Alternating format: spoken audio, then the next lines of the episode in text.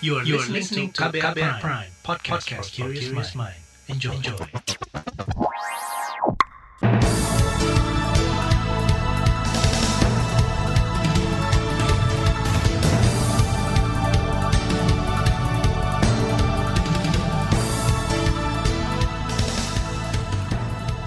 Selamat pagi saudara, jumpa lagi di program Buletin Pagi edisi Rabu 5 Januari 2022. Saya Naomi Liandra. Sejumlah informasi pilihan telah kami siapkan di antaranya, pemerintah diminta perketat pengawasan vaksinasi booster. Jokowi minta RUU tindak pidana kekerasan seksual segera disahkan. Operasi Satgas Nemangkawi di Papua diperpanjang. Inilah Buletin Pagi selengkapnya. Terbaru di Buletin Pagi.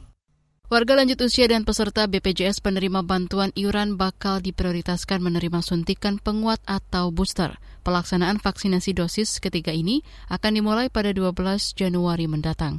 Hal itu diungkapkan juri bicara vaksinasi dari Kementerian Kesehatan Siti Nadia Tarmizi. Jadi untuk tetap mempertahankan laju penularan yang sangat rendah ini, kemudian kita tahu ancaman Omikron dan adanya varian baru selalu menurunkan efikasi dari vaksin. Oleh karena itu, pemerintah memutuskan untuk Januari ini kita memulai vaksinasi khususnya kepada kelompok rentan, yaitu lansia, karena tenaga kesehatan sebelum sebelumnya sudah kita berikan vaksinasi ini.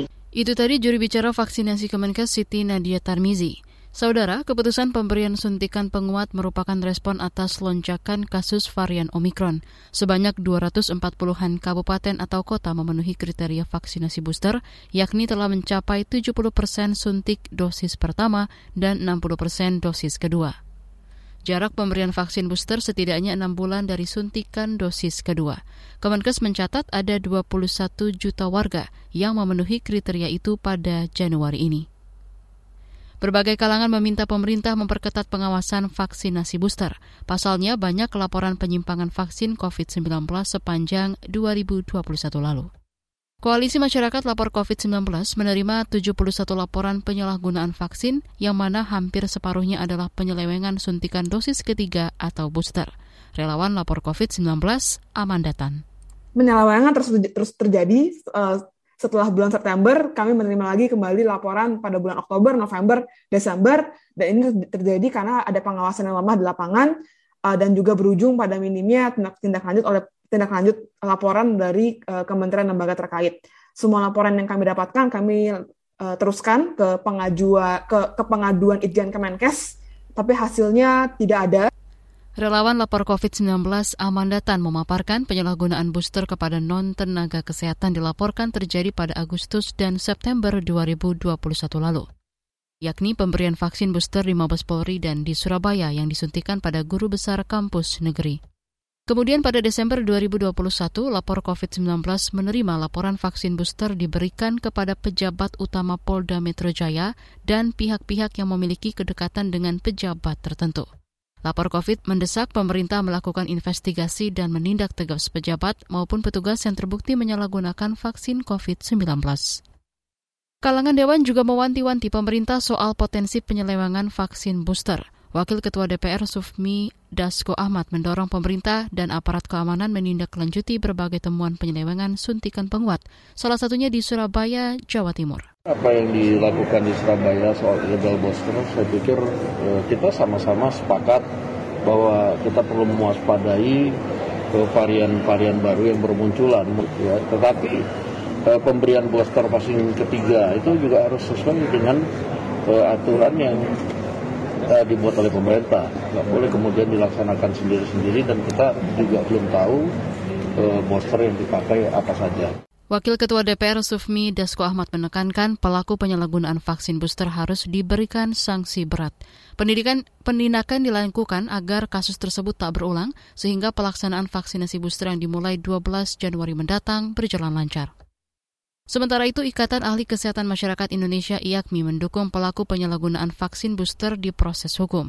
Ketua Umum IAKMI Edi Surya Darmawan mengatakan, upaya penindakan tersebut diharapkan memberi efek jerah Nah ini yang mesti kita cek adalah di Undang-Undang Kekarantinaan dan Undang-Undang Wabah serta Undang-Undang Kesehatan. Apakah ini sebuah pelanggaran yang perlu diberikan tindakan? Yang pasti ini menjadi merugikan kan? Ya, pemerintah seharusnya bisa tegas, ini bisa menjadi ranah kriminal kalau memang ada pelanggaran undang-undang yang dipakai. Secara etika itu tidak etis lah ya, barangkali ya. Mudah-mudahan sih tidak ada tenaga kesehatan yang terlibat, tapi kalau sampai ada terlibat ya itu keterluan aja ada tindakan penyalahgunaan etika yang tidak benar. Ketua Umum IAKMI Ede Surya Darmawan berpendapat tidak perlu buru-buru mengejar vaksinasi booster jika telah mendapat dua suntikan vaksin COVID-19. Utamanya kata dia adalah penerapan protokol kesehatan. IAKMI juga mendesak pemerintah mengumumkan hasil riset terkait urgensi pemberian vaksin booster. Jika bersifat wajib, maka negara harus memastikan vaksin booster terjangkau masyarakat. Kemendak jamin stok minyak goreng. Informasi selengkapnya hadir sesaat lagi, tetaplah di Buletin Pagi KBR. You're listening to KBR Pride, podcast for curious mind. Enjoy!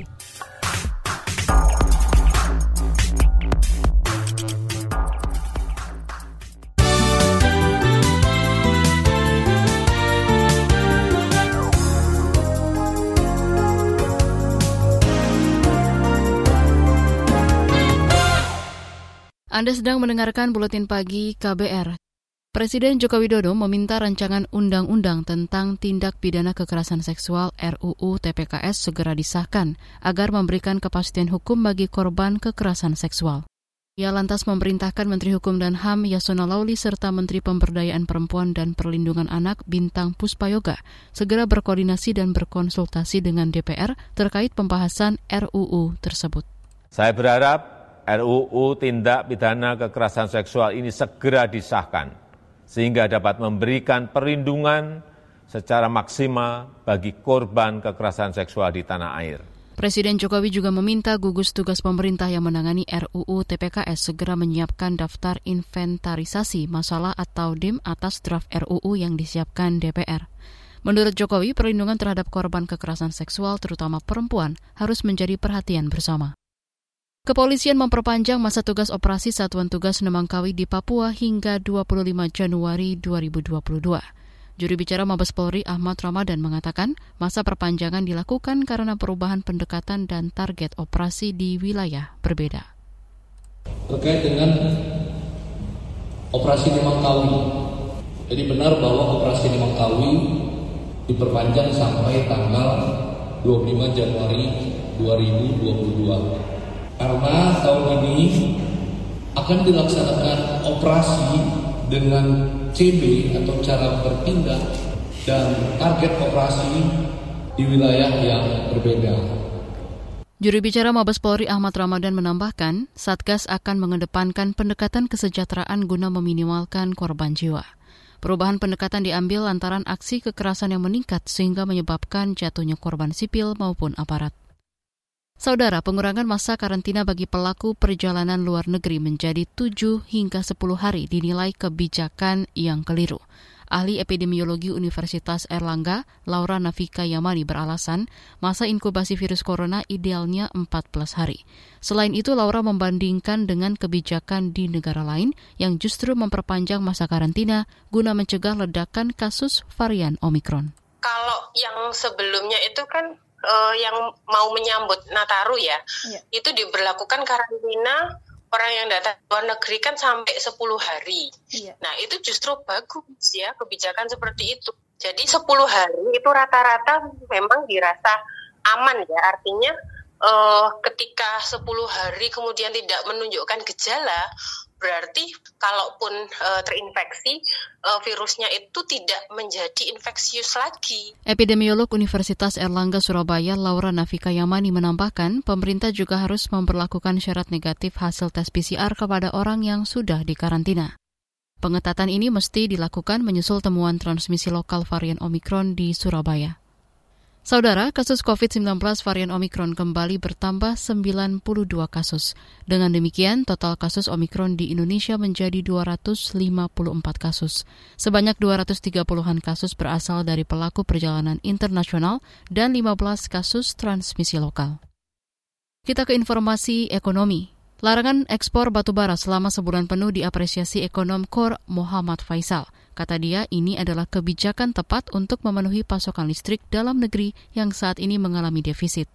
Larangan tersebut sekaligus memberi efek kejut kepada produsen batu bara yang kerap melanggar aturan Domestic Market Obligation atau DMO sebesar 25 persen makanya jadi dilarang kan? Karena karena apa? Selama ini tidak dilarang, tapi dikenakan batasan maksimum 25% DMO-nya, banyak yang tidak mau. Karena apa? Karena harga internasional jauh lebih tinggi. Buat produsen batu bara jelas lebih menguntungkan kalau diekspor. Tapi dampaknya terhadap dalam negeri jadi langka kebutuhan batu baranya. Nah makanya sekarang karena banyak yang ngemplang begitu, ya tidak mengikuti, sekarang dipaksa jadi dilarang aja dulu keseluruhan. Dengan maksud itu adalah untuk mengontrol. Direktur Eksekutif KOR Muhammad Faisal berharap ke depan produsen batubara lebih berkomitmen memenuhi kewajiban penjualan batubara dalam negeri atau DMO. Faisal juga meminta pemerintah konsisten dan memastikan perlakuan yang sama terhadap pemegang izin guna menutup celah kecurangan. Pemerintah menjamin stok minyak goreng tetap tersedia dengan harga terjangkau.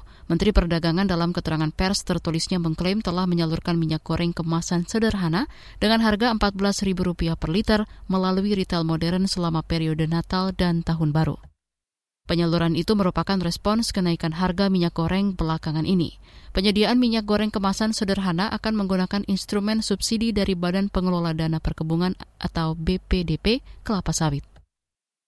Kemendak pun telah berkoordinasi dengan produsen, distributor, dan pemerintah daerah untuk memastikan tidak ada kelangkaan minyak goreng di pasar tradisional. Kita ke informasi mancanegara. Pemerintah Singapura meminta warganya bersiap menghadapi lonjakan varian Omicron yang saat ini telah menembus 17 persen dari total infeksi virus corona di negara itu. Data Kementerian Kesehatan Singapura mencatat per Senin kemarin infeksi harian COVID-19 mencapai 460-an kasus. Sebanyak 180-an kasus di antaranya disumbang varian Omikron. Kasus mingguan tercatat mencapai 1.200-an kasus. Jumlah tersebut lebih rendah dibanding puncak gelombang infeksi sebelumnya yang mencapai lebih dari 26.000 kasus. Otoritas Singapura menekankan vaksinasi dan booster menjadi kunci penanganan pandemi COVID-19. Pemerintah Amerika Serikat menunda pelaksanaan pembelajaran tatap muka akibat lonjakan kasus Omikron. Ribuan sekolah termasuk di beberapa kota besar menunda jadwal pembukaan kembali ruang kelas setelah liburan dan masih menerapkan pembelajaran jarak jauh. Beralih ke informasi olahraga, Ganda putra Indonesia Muhammad Ahsan Hendra Setiawan bakal tetap berangkat ke India Open meskipun aturan karantina kembali ke Indonesia diperketat imbas varian Omicron. The Daddies rencananya bakal berangkat besok untuk mengikuti turnamen yang bakal digelar pada 11 hingga 16 Januari 2022. Berdasarkan hasil undian, Ahsan Hendra menempati posisi unggulan pertama. Di laga perdana, mereka akan menghadapi wakil tuan rumah Prem Singh Razes Verma. Di bagian berikutnya, kami hadirkan laporan khas KBR yang mengulas tema polemik vaksinasi COVID-19. Nantikan sesaat lagi. You're listening to KBR Pride, podcast for curious mind. Enjoy!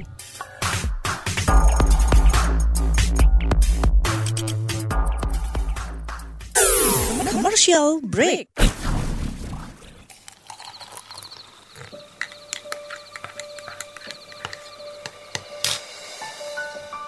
Hai, kamu apa kabar? Masih suka menikmati senja dan kopi? Aku masih ingat kebiasaan kita. Sehabis pulang kerja, selalu mencari tempat untuk sekedar ngobrol dan ngopi. Tapi kadang kita kehabisan bahan obrolan. Aku masih melakukan hal yang sama sampai sekarang tanpa harus takut habis bahan buat ngobrol karena aku selalu mendengarkan KBR sore dari Senin sampai Jumat jam 4 sore. Ah, aku rindu. KBR Inspiratif Terpercaya.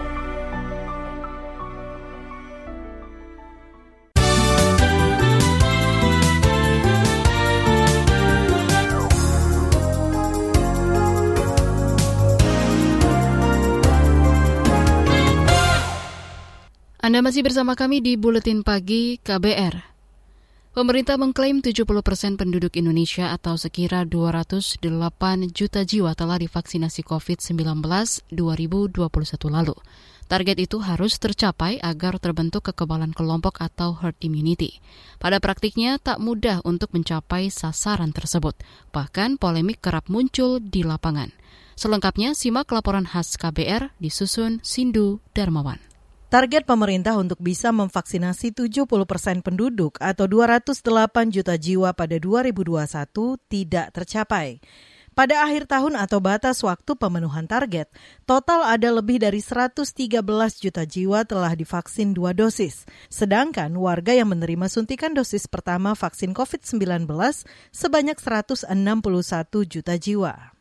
Jumlah target itu ditentukan pemerintah demi membentuk kekebalan kelompok guna membatasi pandemi virus corona yang sudah melanda hampir dua tahun. Semula, Presiden Joko Widodo menargetkan sekira 181 juta jiwa bisa divaksin pada 2021. Target itu disampaikan Presiden saat memulai vaksinasi pada pertengahan Januari 2021. Tetapi pada Juli 2021, jumlahnya meningkat menjadi 208 juta jiwa karena pemerintah mengikut sertakan remaja usia 12 hingga 17 tahun untuk divaksinasi. Namun, Jokowi mengklaim target itu tercapai secara dosis yang disuntikan, bukan jumlah penduduk. Itu disampaikan Kepala Negara saat membuka perdagangan di Bursa Efek Indonesia di Jakarta kemarin. Juga patut kita syukuri, saya sudah khawatir nanti akhir tahun target kita 280 juta dosis vaksin bisa disuntikkan ke seluruh masyarakat tercapai atau tidak. Ternyata tadi pagi saya cek sudah berada di angka 281 juta 299 690 dosis. Presiden menyebut capaian itu tidak mudah dan dilakukan atas kerjasama semua pihak. Tantangannya beragam, antara lain kondisi geografis di sejumlah wilayah. Dalam proses pemenuhan target itu, terdapat sejumlah kasus yang terjadi, bahkan menimbulkan polemik semisal soal penentuan jenis vaksin, data penerima, stok vaksin, wacana vaksin berbayar, joki vaksin, hingga vaksin kadaluarsa. Untuk kasus vaksin kadaluarsa, salah satunya terjadi di Kabupaten Kudus, Jawa Tengah. Di sana terdapat lebih dari 4.000 dosis vaksin AstraZeneca yang telah kedaluarsa per 29 Oktober 2021. Petugas dari Dinas Kesehatan Kabupaten Kudus, Ani Fuad, waktu itu mengatakan kadaluarsa yang diberikan BPOM 6 bulan. Usai kejadian itu, juru bicara Satgas Penanganan COVID-19 Wiku Adisasmito meminta seluruh pihak tidak menyia-nyiakan stok yang telah tersedia. Pasalnya, vaksin tidak didapat dengan mudah. Hendaknya hal ini menjadi pembelajaran bagi seluruh unsur dalam sistem kesehatan, baik pemerintah pusat, pemerintah daerah provinsi maupun kabupaten kota untuk tidak menunda proses vaksinasi. Yang belum lama ini kembali mencuat ke tengah masyarakat adalah soal vaksin penguat atau booster.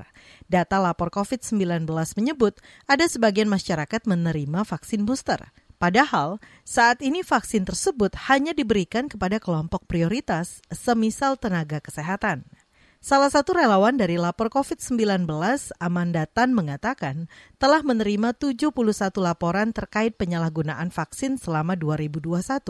Data itu diungkapkan Amanda saat konferensi pers penyimpangan program vaksinasi yang digelar Koalisi Masyarakat Sipil untuk Akses Keadilan Kesehatan Selasa siang. Ia mengaku sudah melaporkan puluhan aduan itu ke Kementerian Kesehatan, namun tidak ditanggapi serius. Lalu kemudian ada juga jual beli vaksin booster yang dilakukan secara ilegal. Dari 71 laporan, 27 laporan di antaranya melibatkan pejabat nakes, uh, sorry, pejabat uh, pejabat negara, gitu ya, petugas nakes dan juga pemda setempat. Menurut peneliti Transparency International Indonesia (TII) Agus Sorwono, penyalahgunaan vaksin booster secara ilegal diakibatkan pengelolaan vaksinasi yang tidak transparan. Kata dia, sejak akhir 2020 hingga Desember 2021, ada sekira 412 juta dosis vaksin tiba di Indonesia, baik dalam bentuk jadi atau bahan baku.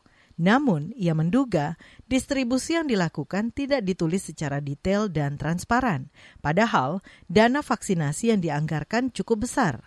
21 2020 dan 2021 yang meningkat menjadi 57,84 persen dan juga Kementerian Keuangan juga sudah menyiapkan cadangan juga untuk tahun 2022 sekitar 25 triliun rupiah.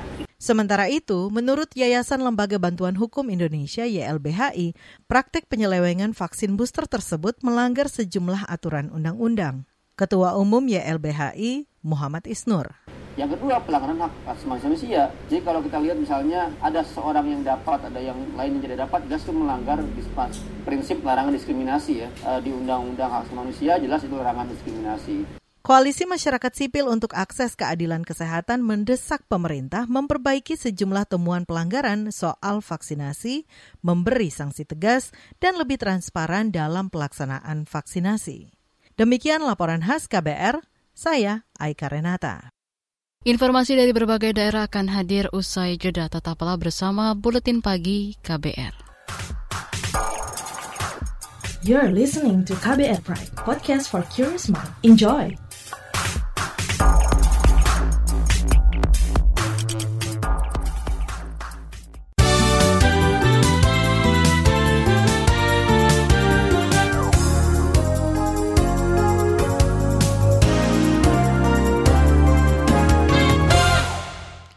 Inilah bagian akhir buletin pagi KBR. Bupati dan Wali Kota di Jawa Tengah diminta mengawasi pelaksanaan pembelajaran tatap muka 100 persen.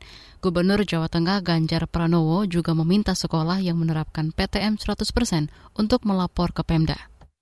Kata dia, sekolah bertanggung jawab mengawasi ketat penerapan protokol kesehatan saat PTM. Pada kawan-kawan karena sudah ada yang melaksanakan PTM 100%. Hari ini saya minta untuk semua melapor karena memastikan betul yang sudah masuk itu ya gurunya siswanya sudah divaksin. Yang kedua fasilitasnya mesti disiapkan betul dan e, kami mintakan hari ini agar mereka melaporkan yang level SMA, SMK, SLB ke provinsi, yang di tingkat bawahnya di kabupaten kota dan kita minta untuk nanti diakumulasikan agar kita bisa melakukan kontrol. Gubernur Jawa Tengah Ganjar Pranowo mengimbau SMA dan sekolah luar biasa melaporkan evaluasi PTM langsung ke pemerintah provinsi. Sedangkan untuk tingkat SD dan SMP, Bupati dan Wali Kota diminta turun langsung memantau.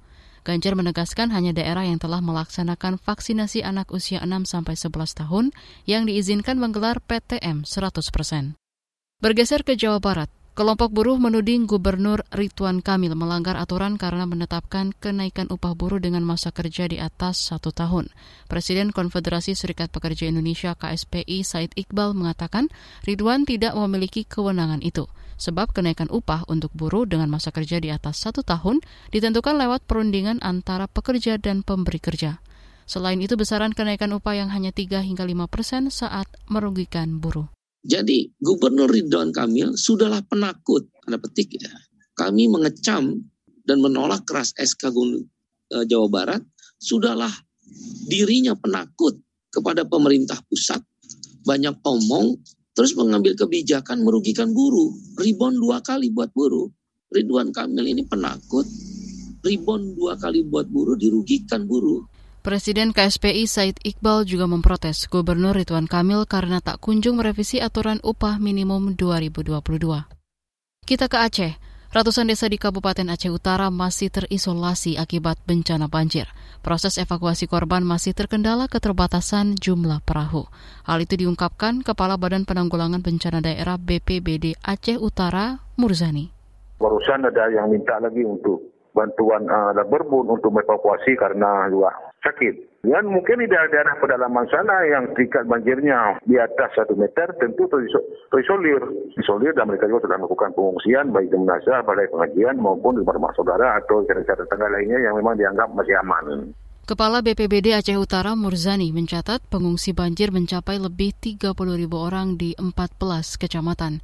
Pemkap telah menetapkan status darurat bencana selama dua pekan terhitung sejak 2 Januari lalu. Informasi tadi menutup jumpa kita di Buletin Pagi hari ini. Pantau juga informasi terbaru melalui kabar baru, situs kbr.id, Twitter kami di akun @beritaKBR, serta podcast di alamat kbrprime.id.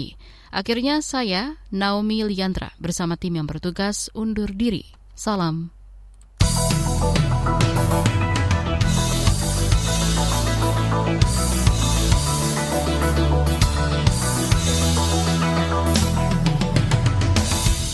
KBR Prime, cara asik mendengar berita.